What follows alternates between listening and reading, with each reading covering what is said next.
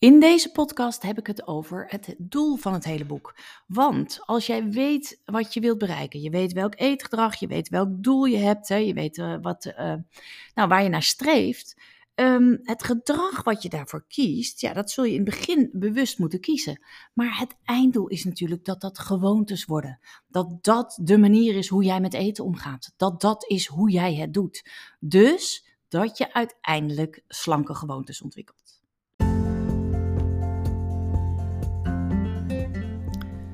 Mijn naam is Mieke Kosters en in deze podcast deel ik de geheimen van slanke mensen met je. Dat doe ik in deze podcast, dat doe ik in trainingen, die vind je op miekekosters.nl. En dat doe ik in mijn nieuwe boek, Succesvolle afvallers diëten niet. En um, deze maand, december, neem ik steeds podcast op die een klein stukje van mijn boek um, behandelen. Zodat je inzicht krijgt in waar het over gaat. Waarmee ik natuurlijk hoop dat je denkt, dat boek, dat wil ik graag lezen. Um, en ik hoop dat je er heel veel aan hebt, want ik denk dat met de inhoud die ik hier geef je ook echt vooruit kunt om die regie te pakken op je eetgedrag. Daar gaan we.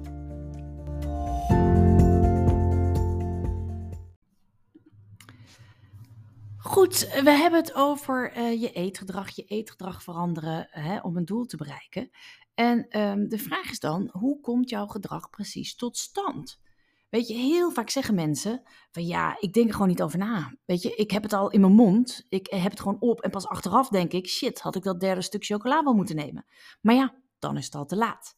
Nou, de vraag is uh, of dat klopt uh, en hoe komt überhaupt eigenlijk gedrag tot stand? Nou, het is zo dat verreweg de meeste keuzes die je maakt, um, onbewust gaan. Dat klopt. Dus dat is de weg eigenlijk van de minste weerstand. Hè? Je hebt een impuls, er is een trigger, dus je hebt, een, e, je hebt eetdrang, je hebt een impuls. En je denkt er niet over na, je stopt gewoon wat in je mond. Nou, uh, in heel veel gevallen is dat heel logisch en ook heel wenselijk. Maar kijk, het zou heel veel energie kosten als je over elke beslissing moest nadenken. Dus uh, ik geloof dat een mens uh, gemiddeld zo'n 35.000 beslissingen per dag neemt, of keuzes. Hè? En um, het percentage waarvan je je bewust bent, is geloof ik maar een 0, nou, wat, ik heb in mijn boek staan 0,26 procent. Um, over eten nemen mensen ongeveer 200 beslissingen per dag. Ja, als je over al die beslissingen bewust zou nadenken en een discussie zou moeten voeren in je hoofd, dan zou je er een dagtaak aan hebben. Dat is dus niet wenselijk. Maar nogmaals, over het algemeen is het dat geen enkel probleem. Als je, weet ik veel, een rood stoplicht ziet, dan stop je. dat gaat eigenlijk automatisch. Daar denk je helemaal niet over na. Dat doe je zo. Als je naar bed gaat, poets je je tanden. Daar heb je niet hele discussies over in je hoofd. Dus het meeste gedrag wat je vertoont, dat zijn gewoontes. En die leiden tot prima resultaten in je leven. En daarom blijf je dat ook doen. Maar als jij nu wilt afvallen, als jij dingen wilt veranderen in de resultaten van je gedrag, dus als jij een doel hebt wat niet helemaal in lijn ligt met jouw gewoontegedrag, dus bijvoorbeeld, hè, um, ik heb bijvoorbeeld in mijn boek dat je de gewoonte hebt om altijd een koekje bij de koffie te nemen. Ja, en als je wilt afvallen, dan wil je die gewoonte om altijd wat te eten als je koffie drinkt wellicht veranderen. Hè? Of die drang in ieder geval weer staan. Um, maar er is ook goed nieuws in deze, want als jij gewoontes hebt, slanke gewoontes, die juist bijdragen aan jouw doel, ja, dan heb je helemaal niet zoveel discipline of wilskracht nodig. En dan val je gewoon af of dan blijf je slank, zonder al te veel discussie in je hoofd, zonder al te veel moeite zonder al te veel gedoe. Daar draait het om. Het is dus zaak, als jij niet alleen wilt afvallen, maar ook slank blijven, dat je bewust dikke gewoontes verandert in slanke gewoontes. Of dat je nieuwe slanke gewoontes ontwikkelt. Nou, mensen vragen wel eens, wat zijn dan slanke gewoontes? Nou ja, bijvoorbeeld is dat dat ik nu uh, eigenlijk altijd nee zeg op een tractatie, tenzij het een 8, 9 of 10 is voor me. En vroeger zei ik eigenlijk uit gewoonte ja. Een gewoonte kan zijn dat je elke ochtend, uh, als je wakker wordt, even buikspieroefeningen doet. Of even uh, mediteert of zo. Uh, het kan zijn dat je een gewoonte hebt dat je nooit meer eet na acht uur s avonds. Dat je altijd je tanden poetst na het eten bijvoorbeeld. Het kan een gewoonte zijn dat je gaat wandelen bij stress in plaats van eten. Weet je, dat zijn allemaal voorbeelden van slanke gewoontes. Nou, um, vroeger dachten ze, mensen worden slank als ze veel wilskracht hebben. En wilskracht, eigenlijk de definitie daarvan, is dat je, dat is, dat gebruik je als je gedrag kiest dat moeite kost. Dus dat eigenlijk indruist tegen de drang die je ervaart. het is een beetje het idee van een engeltje en een duiveltje op je schouder. En uh, ja, uh, uiteindelijk moet dat engeltje dan vaker winnen van het duiveltje en dan uh, val je af op wilskracht. Maar dat engeltje en duiveltje zijn natuurlijk wel met elkaar in gevecht. Hè? En um, dat, is, dat maakt dat niet altijd makkelijk. En toen um, uit een onderzoek van Bouwmeister blijkt, en dat vond ik heel interessant, blijkt dat bij mensen die zeggen veel wilskracht te hebben, eigenlijk dat engeltje en dat duiveltje helemaal niet met elkaar in gevecht raakten. Het bleek, het was een onderzoek geweest, dat hadden 205 deelnemers, kregen een telefoon en die ging steeds af. Uh, gingen random af en dan moesten ze wat vragen beantwoorden over welke verlangens en verleidingen ze hadden, wat zelfbeheersing ze ervaarden. En het bleek dus dat mensen die, die zeiden het beste te zijn in het weerstaan van verleidingen, hadden ook de minste verleidingen. Dus, simpel gezegd, mensen die zeiden meer wilskracht te hebben, gebruikten eigenlijk helemaal, helemaal geen wilskracht. Zij zorgden er gewoon voor dat ze veel minder vaak in de verleiding kwamen. Ze hadden een goede strategie. Ze hadden slanke gewoontes, waardoor ze het veel vaker, uh, veel minder vaak moeilijk hadden. Nou, dat is het doel van dit boek dat jij ook slimme strategieën gaat ontwikkelen en slanke gewoontes ontwikkelt, zodat je echt kunt afvallen en slank blijven zonder al te veel wilskracht, zonder al te veel gevecht in je hoofd hè, en zonder al te veel moeite. Dat is het, wat mij betreft, het ultieme doel. En um, dus daar ga je mee aan de slag. En ik geloof uh, dat het waar is. Want ik, heb, um, ik ben natuurlijk al die tijd slank gebleven. Hè, al, uh, inmiddels al 18 jaar. Maar ik zie mezelf niet als een type met enorm veel wilskracht. Ik had vroeger wel periodes dat ik helemaal geen discipline had. Dat ik het liefst de hele dag in mijn pyjama rondliep en series keek. Zeker in mijn studententijd uh, liep dat spuigaat er nog wel eens uit. En dat noem ik dan mijn badjasperiodes, noem ik dat. Dan kwam ik het liefst niet uh, uit mijn badjas, behalve s'avonds om naar de kroeg te gaan of zo.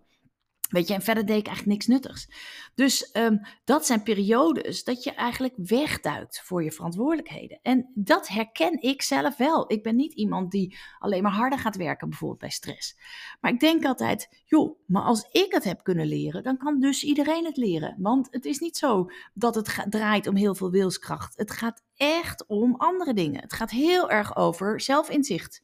Weet je, weten wat jouw triggers zijn, weten wanneer je terugvalt, weten wat, je, wat er gebeurt op het moment dat je terugvalt. Namelijk hè, dat je vlucht, uh, wegvlucht voor je verantwoordelijkheden bijvoorbeeld. Hè, dat je in de arme ik-zone belandt, zoals ik dat dan zo mooi noem.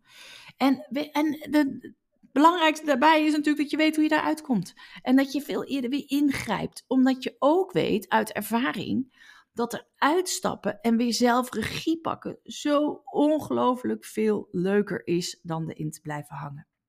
Nou, hoe ziet een gewoonte er dan uit? Een gewoonte ziet er eigenlijk zo uit. Er is een trigger, je hebt gedrag en er volgt resultaat op wat in lijn ligt met wat jij wil. Dan heb je een slanke gewoonte. daar gaat het om. Maar wil jij nieuwe gewoontes ontwikkelen, dat betekent dat jij ehm, uh, gedrag hebt wat je in 85% van de gevallen gewoon doet zonder al te veel discussie in je, in je hoofd, dan vergt dat in eerste instantie een extra stap.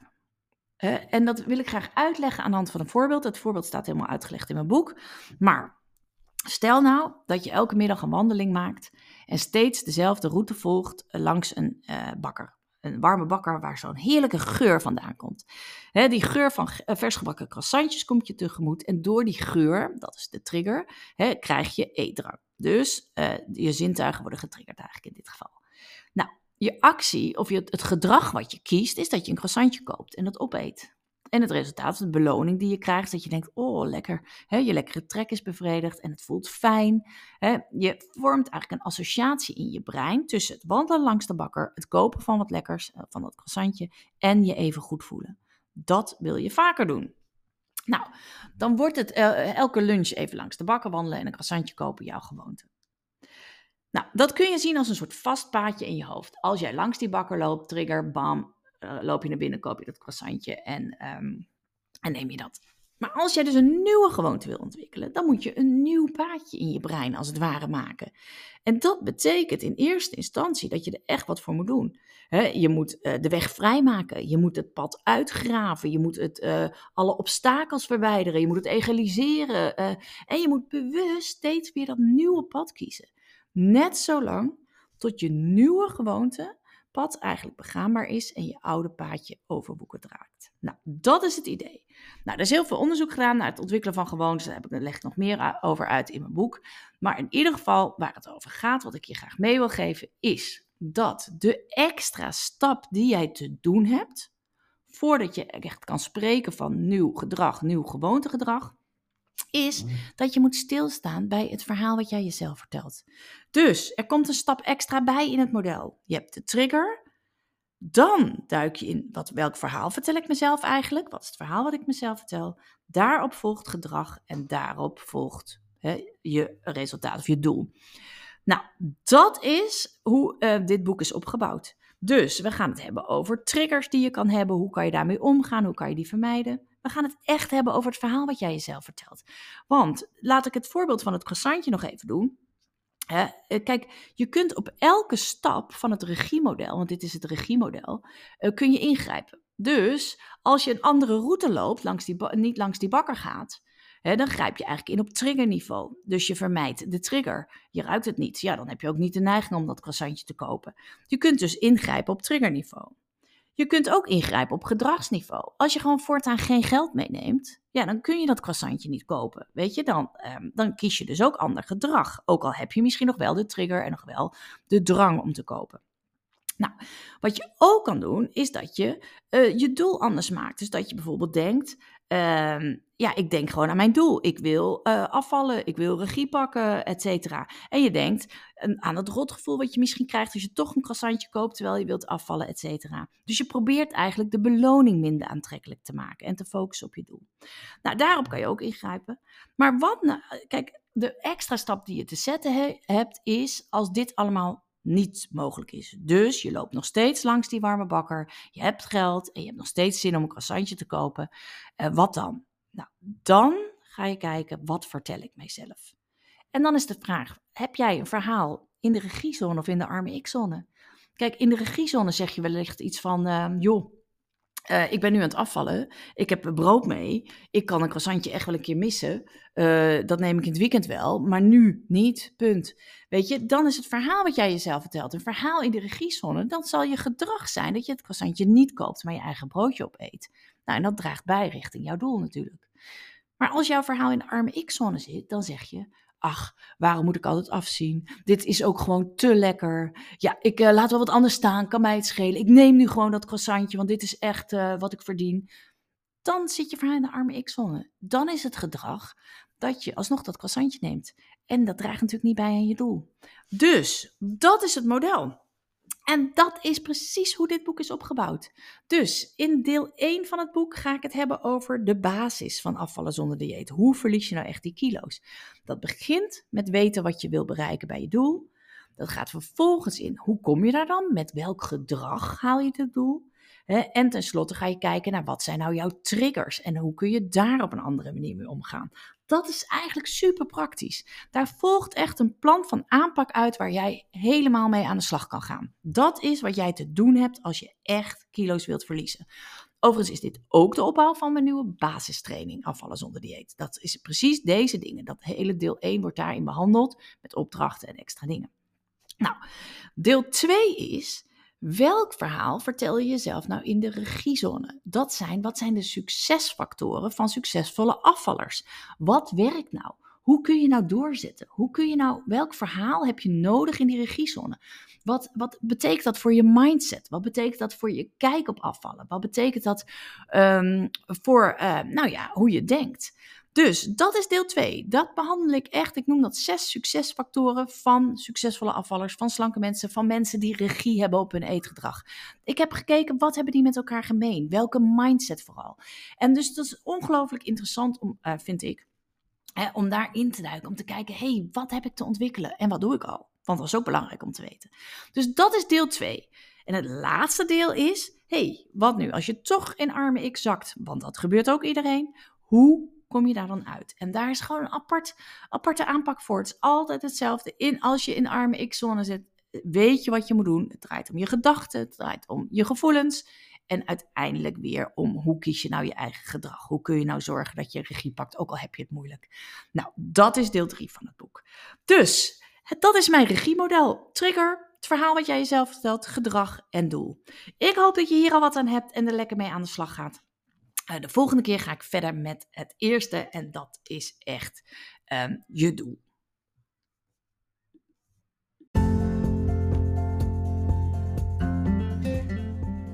Geïnspireerd? Wil jij ook slanke gewoontes ontwikkelen? Wil jij de regie pakken met behulp van het regiemodel? Bestel mijn boek dan snel op miekekosters.nl.